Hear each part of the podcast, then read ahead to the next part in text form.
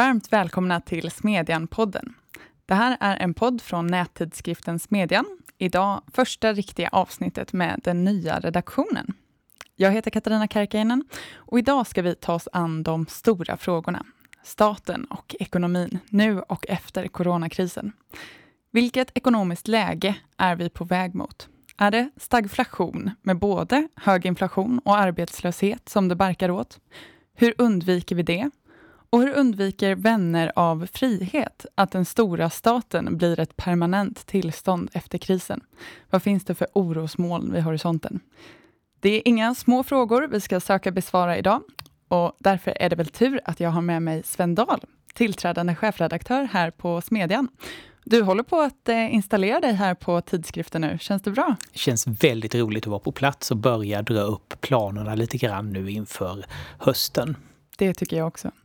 Med oss så har vi också Mattias Svensson, författare, skribent och en av våra stående krönikörer här på Smedjan. Välkommen, vad roligt att ha dig med. Tack så mycket.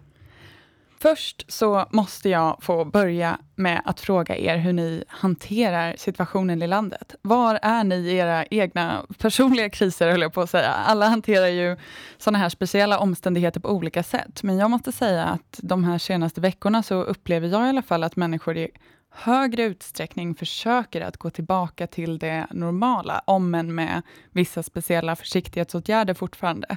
De vänner och bekanta som har arbeten som från början var möjliga att göra på distans hemifrån, börjar ändå smyga sig tillbaka till sina kontor och det känns som att tålamodet, rätteligen eller inte, börjar tryta hos en del. Hur ser er vardag ut nu under krisen? Mår ni okej? Okay? Jag tycker det är väldigt skönt att eh, så här, ha varit här på kontoret ett par dagar efter att ha suttit hemma och arbetat eh, i eh, ja vad blir det? Ja, sen i februari i princip, för vi stängde ner eh, ja, Liberala nyhetsbyråns redaktion eh, strax innan den här rekommendationen om att jobba hemma om man kan eh, gick ut. Så att det börjar bli ett tag nu av att jobba hemma och det sliter. Alltså man ska inte, man ska inte underskatta de svårigheter som, som faktiskt finns med att sitta hemma. Vad säger du Mattias? Eh, jag är ju rätt van eh, eftersom en hel del av mitt jobb är hemma och nu är, eh, nu är allt hemma i och med att jag har haft ett vick på DN och också DN var relativt tidig att i linje med tidningens policy köra hårt på hemmasittandet.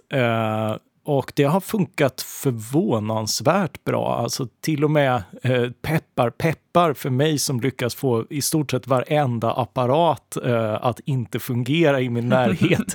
Vi har då suttit en halvtimme här och försökt med olika, eh, det är säkert mitt fel. Eh, och eh, peppar, peppar så har det, så har det funkat eh, över förväntan under den här perioden. Så, och, och dessutom så har vi i december fick vi en vattenskada, så vi har liksom haft, eh, vi har levt separat i familjen och haft eh, byggjobbare jämt och det har varit liksom provisoriskt allting. Så jämfört med det, jag har ju liksom levt isolerad i, inklusive från min familj från januari och framåt, så för mig blir, ju, blir det ju liksom bättre bara liksom av den vanliga, mm. av den vanliga isoleringen. Eh, men den försöker jag hålla på. Mm. Väldigt härligt att ha er här i alla fall. Vi har ju, om vi vill, möjlighet att nyttja friheten att ändå låta livet fortgå, åtminstone likna det normala, även om det naturligtvis finns saker som man ändå måste göra. Och det handlar ju om hur Sverige har valt att hantera det här coronaviruset. Vad, vad tycker ni om Sveriges vägval? Jag skulle säga att jag överlag är positiv till den. Jag tror att undvika en total nedstängning och faktiskt lita på människors förmåga att göra egna riskbedömningar är en ganska smart strategi och det kommer med tiden att visa sig att det här nog var ett ganska klokt vägval. För jag, och, och vad vi kan se är det ju så att folk har tagit det här på allvar. Alltså det är väl, fortfarande väldigt lite människor som är i kollektivtrafiken och människor jobbar hemma. Sen att det är successivt åt, ser väl någon form av återgång till hur det var tidigare. Men det är ändå så att det funkar ganska bra med rekommendationer. Sen är det väl också viktigt att komma ihåg att utfallet i Sverige inte skiljer sig jättemycket från en del länder som haft en helt annan strategi. Och det talar ju också för att den svenska, att det här förmodligen var en ganska rimlig, ganska rimligt förhållningssätt. Eh, ja, jag tycker också att eh, alltså, frihetsbiten har ju funkat över förväntan. Eh, de som har kunnat har tagit ett ansvar. Samtidigt har vital produktion hållits igång, kunnat skalas upp. Man har hittat lösningar där, där det har behövts. Eh, det enda som, som ju då lämnar en hel del övrigt att önska är ju olika typer av offentlig verksamhet, ironiskt nog. Alltså, det, har ju, det är ju liksom en växande såpa nu med oförmåga att få fram resurser, oförmåga att planera framåt, oförmåga att samordna sina samordnare och, mm. eh, och annat liksom sådär. Så eh, det, det börjar redan ge, eh, ge, ge, exempel på att, att kompetensen som vi har anförtrott till Eh, myndigheter inte på samma sätt har motsvarat stresstestet. Det där tycker jag verkligen att vi ska komma tillbaka till. En sak som jag har tänkt på eh, Ehm, med just den här strategin är att det ur ett österrikiskt ekonomiskt perspektiv är ju rimligt att på något vis decentralisera riskbedömningen. Alltså olika människor har olika omständigheter. För någon så kan kostnaden för att isolera sig vara högre, medan det för någon annan kan vara en väldigt stor risk att vara ute och möta människor. Så om man då centralplanerar de här besluten så riskerar ju mycket av informationen att gå förlorad och vi hamnar längre från de här liksom optimala punkterna för agerande. Och samtidigt så kan ju till exempel riskgrupper alltid välja att isolera sig ytterligare utöver de rekommendationer som finns. Men Sverige slår en ju inte som en frihetens högborg i det här avseendet, där det här skulle vara det rådande perspektivet. Jag menar att liksom, inte ens med de godaste av viljor så känns det som att man kan anföra att tilltro till befolkningen åtminstone skulle vara den politiska anledningen till att vi har gjort som vi har gjort. Och om, om det, möjligen i kombination då med viljan att hålla ekonomin öppen, var anledningen, så jag tänkte på att det, berörda myndigheter i så fall borde vara betydligt mer transparenta i sina resonemang. Men det tycker jag inte att man har varit. Eller jag får inte känslan av att det som förs är ett öppet och ärligt samtal med en vuxen befolkning som förstår avvägningarna. Varför, om ni ska ge er ärliga gissning här nu, har Sverige valt den här strategin? Jag skulle säga att det handlar i grund och botten om att Sverige är ett högtillitssamhälle. Att det finns en grundläggande tilltro till, till politikens förmåga att fatta beslut och att hos medborgarna och att därför har man inte, man behöver inte skicka ut, skicka ut poliser för att upprätthålla ja, utegångsförbud som i Spanien. Helt enkelt, det räcker med att berätta för svenskarna att det kanske är smart att du, att du stannar hemma om du kan och jobbar hemifrån. Så att någonstans där, om vi ska gå till en väldigt, väldigt generell nivå. Ja, det, det är det och sen eh, tror jag väl också, och det är också väldigt svenskt att eh, att i krisläge välja det mest eh, det bekvämaste och mest lukrativa. Det är trots allt, eh, vi är trots allt landet som, som överlevde andra världskriget genom att sälja ordentligt till båda parter och heja på den som vann. Eh, så eh, så Sverige är liksom ingen främling för att, eh, att välja den, den pragmatiskt bekväma eh, vägen med så lite uppoffringar som möjligt. Och det här kan vara eh, det här kan ha goda sidor som att man, eh, man liksom inte stänger ner en, en eh, fungerande ekonomi och verksamhet eller, eller liksom eh, Eh, ägnar sig åt liksom, eh, kommandon och tjusiga parader och, och, och liksom, eh, låta poliser patrullera vanliga medborgare som går ut. Eh, men, men det har ju också eh, sidan som sagt, som vi var inne på, att, eh, att det liksom inte nödvändigtvis eh, kompetens och liksom eh, tuffa nödvändiga beslut och, eh, och liksom prioriteringar som, som hamnar i förgrunden. Mm. Utan, utan det blir just det här laga efter läge, avslöja, ja, men liksom, ska man ha munskydd i äldreomsorgen har blivit avhängigt av kan vi säga till folk att, eh, att man, att, man, borde ha det men att vi helt enkelt inte har tillräckligt många. Precis det där, liksom, att de avvägningarna hade man ju velat ha på bordet. Så att eh, liksom, ja, så här är det, men tough luck, vi, vi kommer inte, vi var för sena, vi kommer inte ut på, vi, vi står liksom restade på det här, så, eh, så vi måste liksom laga efter läge. Vi hoppas eh, vi hoppas ni, ni kan ha förståelse för det. Men istället så har man liksom försökt att och tona ner och, och bluffa. Det blir liksom sån här allmänt. Men då, då är det ju liksom värdefullt att det ändå har kommit fram att eh, medierna sköter sin roll. Ja, alltså jag håller med Katarina om att transparensen alltså, ha, skulle kunna vara mycket bättre om vilka avvägningar ligger egentligen bakom det här och att där finns det väl en brist i det politiska ledarskapet under hela processen. Att, att det här faktiskt är en relativt, ja men opolitisk process har det framstått mm. som. Och, å andra sidan kanske vi ska vara tacksamma för det. För vad som har utmärkt processen i väldigt många andra länder är ju att, att politiken drabbats av det här, av den kanske en av de farligaste politiska instinkterna, nämligen att väl, visa väldigt mycket handlingskraft mm. och ta i väldigt mycket på ett sätt som sen kanske får ja, oavsiktliga negativa konsekvenser. Ja, ja, verkligen. Hellre svensk handfallenhet än en fransk Napoleonkomplex.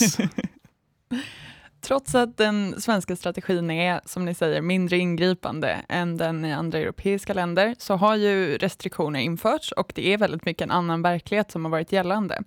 Eh, och när det här är så småningom är över så kommer ju våra blickar behöva, behöva riktas mot staten och vi kommer behöva ställa de här grundläggande frågorna igen.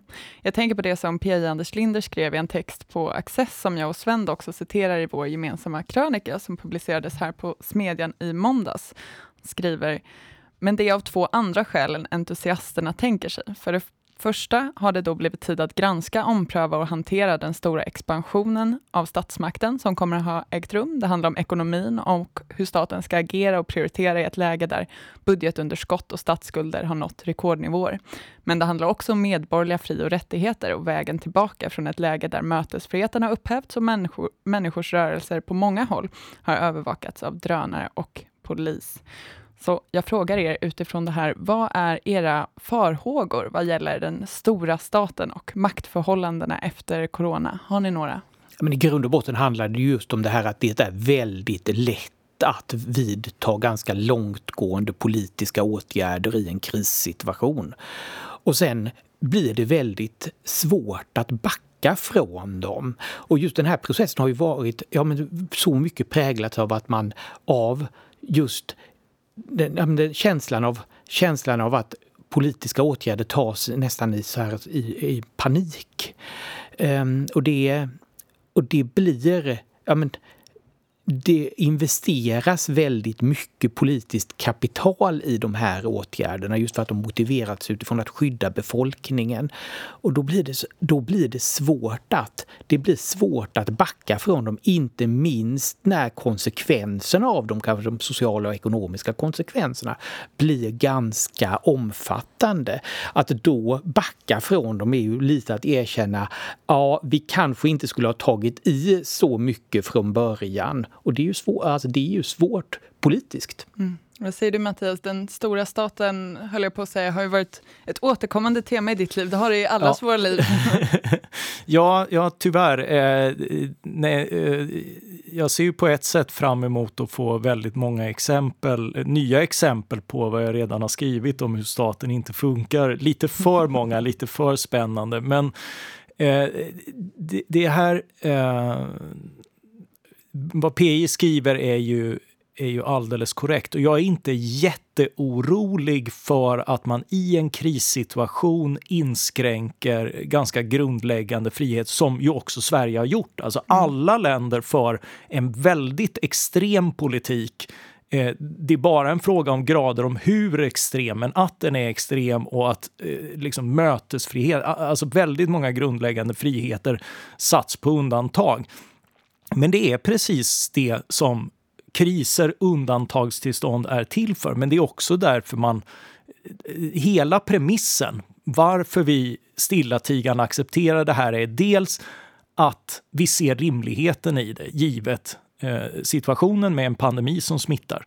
Eh, och det andra är att vi vet att det är tillfälligt. Eh, och där kommer tilliten. Eh, och, och, den tror jag liksom i, i gemen att, eh, att vi kan lita på. Det, det mesta av det här är temporärt. Ja, det finns trögheter i att avskaffa den här typen av regleringar, men, men att det kommer att vara riktningen ganska snart efter, efter att eh, de värsta farorna är över Eh, det hyser jag ingen större, större tvekan om. Min stora farhåga gäller istället eh, alltså ekonomin och de stora hål som eh, kostnaderna för det här kommer, eh, kommer att innebära Eh, på, på medellång sikt.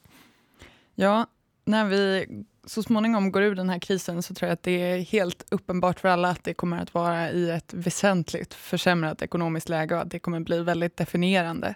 Vilka tror ni kommer vara de största problemen ekonomiskt till, till följd av just eh, coronakrisen?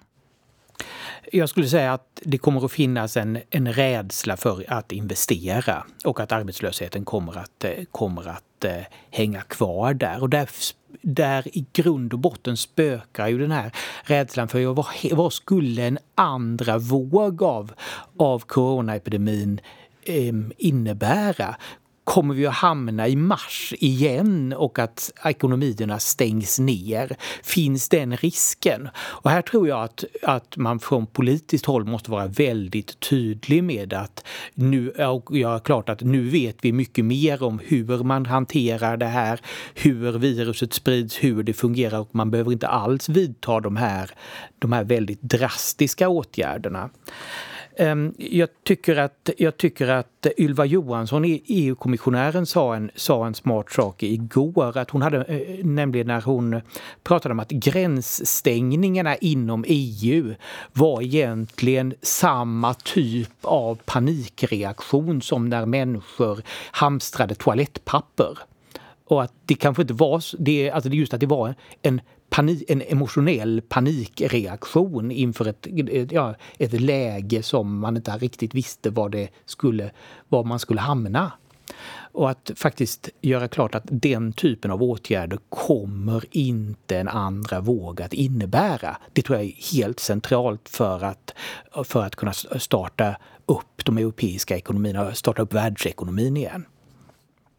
Jag tänker att eh, det är inte bara de här långtgående nedstängningsåtgärderna som man bör titta på när man funderar på vilka åtgärder som riskerar att bli permanenta och tänker på det Friedmanska perspektivet att få saker lika permanenta som tillfälliga statliga krisåtgärder. Man, tankarna för sig osökt till eh, den svenska värnskatten som vi fick i, eh, ha i 25 år. Eh, nu genomförs ju naturligtvis åtgärder som kan vara kortsiktigt kloka, som de här tillfälliga företagsstöden, eh, och åtgärder som helt bör förkastas, som de långtgående socialiseringsförsöken, och en del av sådana som bör utvärderas kritiskt. Vad, om, finns det någon av de här eh, typerna av åtgärder som ni är liksom extra rädda för, när vi tittar nu hur ekonomin kommer att se ut framgent? Jag skulle säga att det kommer att vara svårt för Socialdemokraterna att backa från eh, de förändringarna i a-kassan som man gör. Och som jag eh, på något sätt kortsiktigt kan hålla med om att de är motiverade. Men långsiktigt är ju detta saker som har funnits på ja, men Socialdemokraternas och inte minst LOs önskelista under väldigt lång tid och som är väldigt viktiga för en central väljargrupp, nämligen de väljarna som väljer mellan Socialdemokraterna och Sverigedemokraterna. Och att behålla då de här tillfälliga krisåtgärderna i a-kassan är polit, sannolikt politiskt väldigt lockande för, för Socialdemokraterna. Sen tror jag också, apropå värnskatten, att man inte ska underskatta riskerna för att coronakrisen och hantera och så här, coronakrisens eftermäle används för att motivera nya skatter lite på samma sätt som värnskatten faktiskt, mm. att det är, det är dags för, för att ja, det är dags för de rika att betala för krisåtgärderna. Någonting som faktiskt ett antal ledande socialdemokrater skrev en debattartikel om i Dagens Industri idag. Där man argumenterar just för att, för att ja, för höjda kapitalskatter i mm. spåren av, av coronakrisen. Jo, alltså det, det som oroar Eh, alltså det här kan, kan vara eh, att man förstärker vissa eh, försäkringssystem. Eh, Likaså tycker jag att man, om vi pratar offentliga utgifter som behöver göras, eh, så tycker jag att eh, när, när, man nu under den här perioden, det är oerhört viktigt att man ger ordentlig ersättning till de som jobbar i vården. Därför att vi har ett demografiskt behov av att rekrytera oerhört mycket personal till eh, vård, omsorg och skola. Eh, Även framöver. Och det här blir liksom ett testcase på liksom om, om den offentliga sektorn, som absolut inte är någon drömarbetsgivare, kommer liksom slita ut folk ganska cyniskt eh, och kortsiktigt eller om man liksom i alla fall kommer göra vad man kan och kompensera ordentligt. Eh, och eh, det, det, är en sån där grej där kostnaderna behöver få rusa iväg därför att det är ändå, det är ändå någon form av, av investering i i en långsiktig framtid som görs där. Eh, just därför är det ännu viktigare att annat får backa och det är lite grann mm. min generella ekonomiska poäng att det finns ingen, eh, alltså det här att liksom överbrygga krisen genom stödformer och sånt där. Det blir lätt så generöst att man missar att det finns inget ekonomiskt läge att gå tillbaka till. Eh, därför att det var i sig en bubbla vi hade blåst upp med, mm. med kortsiktiga billiga krediter och allt möjligt sånt som man pumpar ut nu också. Eh, som har liksom felallokerat resurser i tio år och riskerar att fortsätta att göra det också under krisen. Eh, den bubblan behöver brista. Eh, att, att börsen nu går upp snarare ner är liksom, det, det är mer av, av man, man, hanterar det som man hanterat i stort sett hela 2000-talet och det blir inte mer rätt nu. Det är att hälla pengar på de allra rikaste. Sen kommer kompensationskraven från sossarna. De kommer att drabba andra rika, nämligen de som producerar riktiga saker mer. Eh, och det här är, eh, här, här måste ju liksom bromsen sättas in och en faktisk omställning. Alltså vi kom från en högkonjunktur.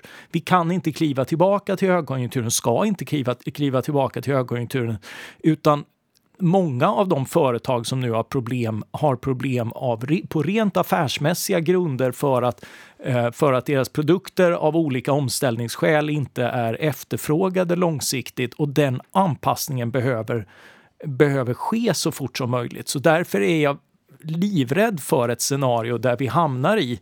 Eh, det har kommit en intressant rapport från Tillväxtanalys heter myndigheten nu, eh, om 70-talets krispolitik. Eh, också Lena O Andersson Skog har skrivit om det. Jag har recenserat den i Smedjan om eh, textilstöden på 70-talet och just den här eh, industripolitiken när man satt med ett antal dåliga företag i knät som staten hade tagit över och av ideologiska skäl ville visa hur, hur bra staten var som arbetsgivare och ägnade liksom ett antal år åt att demonstrera den raka motsatsen så att alla utom Jonas Sjöstedt har fattat det, för han föreslår exakt samma politik nu.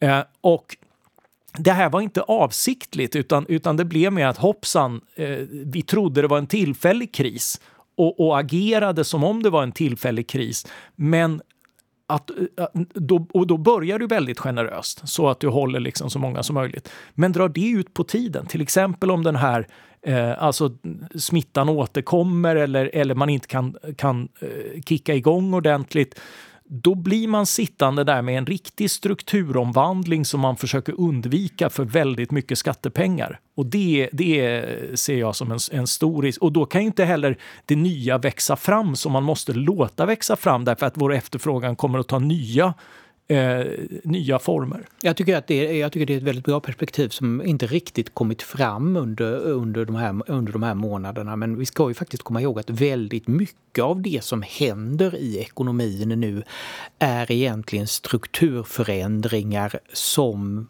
vi hade sett början på mm. men som nu ja, men påskyndas och det som kanske skulle ha tagit fem år.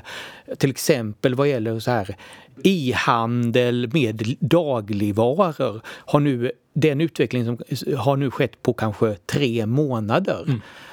Och det är klart att det är en, utveckling, det är en positiv utveckling som vi, ja, men som bör bejakas och uppmuntras. Och som det, inte finns någon, det, finns inte, det finns inga skäl att sörja nedlagda butiker när eh, människor är nöjda med så här alternativen. Svårigheten mm. är ju att vi har de här eh, liksom strukturförändringarna som sker samtidigt som har, vi har en direkt kris där det är en liksom, artificiellt eh, skapad eh, lägre efterfrågan på vissa varor och tjänster. Och det, gör ju, det görs ju en del från regeringens sida för att hjälpa företagen, eller eh, tycker jag, eh, ska man kanske säga, att rädda näringslivet just eftersom det bland annat politiskt skulle bli så kostsamt för hela samhället att bygga upp det igen om det helt raserades under den här värsta tiden. Och mycket är ju till exempel liksom anstånd med, med skatter för att lösa bara de tillfälliga likviditetsproblemen. En del är permitteringar och sänkta arbetsgivaravgifter som framför allt finns till för de anställdas skull för att undvika eh,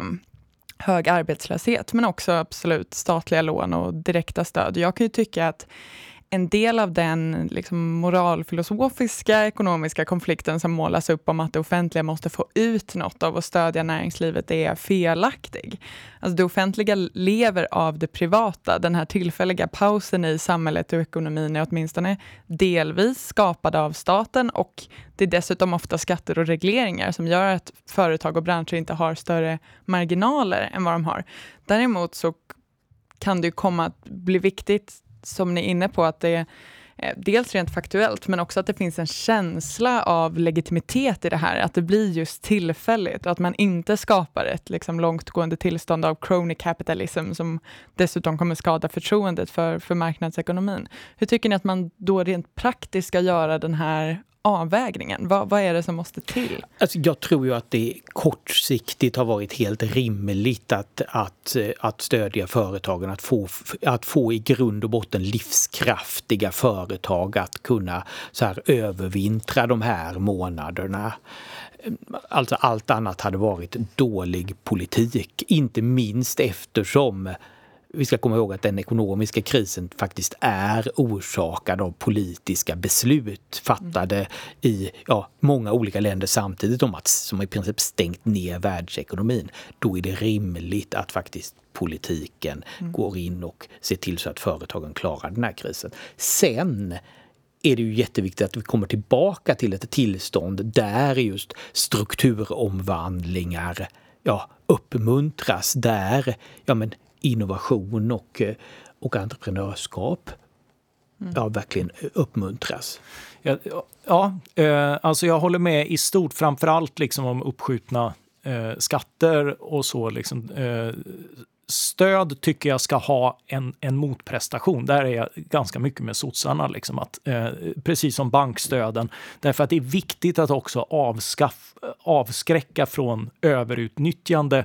Plus att man måste alltid också i en krissituation ha skin in the game får aldrig ersätta upp till 100 procent. Alltså vare sig det gäller arbetslöshetsersättning eller eh, eller liksom företagsstöd och sådär, utan företagen behöver ta en del av de här objektiva förlusterna också, liksom om man kompenserar mycket. Och det är livsviktigt och det lärde vi från finanskrisen där inga fick gå omkull, där man kompenserade till 100 procent eh, och man därför blev sittande med en massa zombieföretag som blev kvar fast de inte skulle det. Och, och där, där liksom folk Andra fick kompensera risker som några hade tagit och tjänat bra på. Och inte minst eh, att det faktiskt, eh, jag tycker det är värt att påpeka att det skadade förtro, det långsiktiga förtroendet ja. för den liberala, liberala ekonomin. Nej. Inte minst i USA. Ja, och, och det praktiska företagandet. Att, eh, att liksom, här finns ju precis som du säger, alltså titta, nu tar man bort eh, skatterna som företagen drar in och så liksom tittar man på, oj, det kostar liksom eh, 100 miljarder på, eh, på månadsbasis. Eh, jättesummor som bara, jaha, det här är pengar som i vanliga fall bara flyter in som är liksom möjligheter eh, som eh, gör mycket av den offentliga verksamheten möjlig. Eh, och, och, det är verkligen liksom ett exempel på att man saknar inte kon förrän båset är tomt. Mm. Jag tycker att man ser rätt många försök till att liksom krossa glasrutor nu. Det är mycket stimulanspolitik för att ordna upp den ekonomiska eh, krisen. Riksbanken öppnar plånboken. Eh, och jag tänker ju osökt på den text, Mattias, som du nyligen eh, skrev för oss, där du påminde om lärdomarna från 1800-talsekonomen Fredrik Bastiat och varför frågan om hur vi kan få fart på ekonomin är felställd. Vad, vad menar du med det? Eller han? Eh, Ja, men han har ju, eh, och det tycker jag illustreras på ett väldigt bra sätt under den här krisen, inte minst i Storbritannien där eh, alla så här pojkakademiker har gått i full eh, det här är vår krigssituation-mode och liksom ska, ska dra ut i krig. Och för dem är den här krisen jättehäftig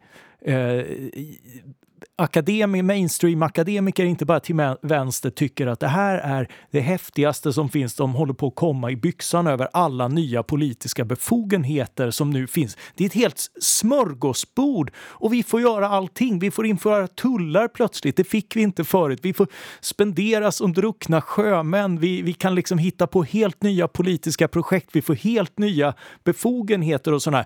De ser, för i deras värld har det uppstått en en enorm kreativitet. Och detta i ett fullkomligt lamslaget samhälle där poliser jagar människor för att de är ute och tar en promenad ute i naturområden. Eh, och, och, det illustrerar en eh, ett vanligt sätt att tänka som Bastiat i sin, eh, i sin essälagen eh, sätter fingret på, nämligen att många intellektuella tar det här politiska perspektivet som självklart. Alltså vad ska vi göra betyder hur ska några kloka människor enas om en klok politik som staten ska föra? Eh, det handlar, och då har man ju liksom på förhand uteslutit eh, att liksom människor i ett samhälle spontant och med hjälp av prismekanismer, regler, fri konkurrens, alltså allt det som begränsa staten till att upprätthålla ett mycket viktigt regelverk och, och bestraffa brottslingar och annat. Den typen av, av lagbunden eh, frihet eh, där människor kan verka själva, anpassa sig och så vidare den är utslängd, för det räknas liksom inte, utan det som räknas är en politisk konstruktivism där, där någon smart person vid sitt skrivbord ska lösa frågor åt alla. Och det är, alltså bara genom att lyfta upp det och presentera det så, så tycker jag att det är avslöjande för vilken fullkomlig hybris det handlar om. Men det är ett väldigt vanligt intellektuellt tankemisstag. Jag tror att många har mött det i just det här. Hur ska du lösa det? Hur, hur ska du liksom få arbetslösa människor i arbete och sådär? Och då sitter man där och försöker liksom klura, vad vore smart och sådär. Men någonstans, ja, någonstans så är det ju också deras problem och det faktum att de förmodligen är medvetna om att det är deras problem och lever med konsekvenserna av det gör att, att den bästa lösningen förmodligen involverar att de får agera på ett sätt som, som ligger i deras eget intresse. Här finns det ju också eh, skäl att anknyta till den då lite ja, lite liberalare svenska coronastrategin att den faktiskt gett utrymme för mm. svenska företagare att anpassa sina verksamheter, att försöka experimentera, hitta nya affärsmöjligheter i det här läget. Mm. Alltså att faktiskt marknad, grundläggande marknadsekonomiska mekanismer fungerar även i den här typen av situationer om de tillåts. Ja, precis. Och där, där är ju inte minst desperationen eh, på ett sätt en, en drivkraft, vilket är ytterligare en koppling till att stöd inte får bli eh, så omfattande. Hotellen till exempel, som nu har tappat väldigt mycket, de står ju ändå där.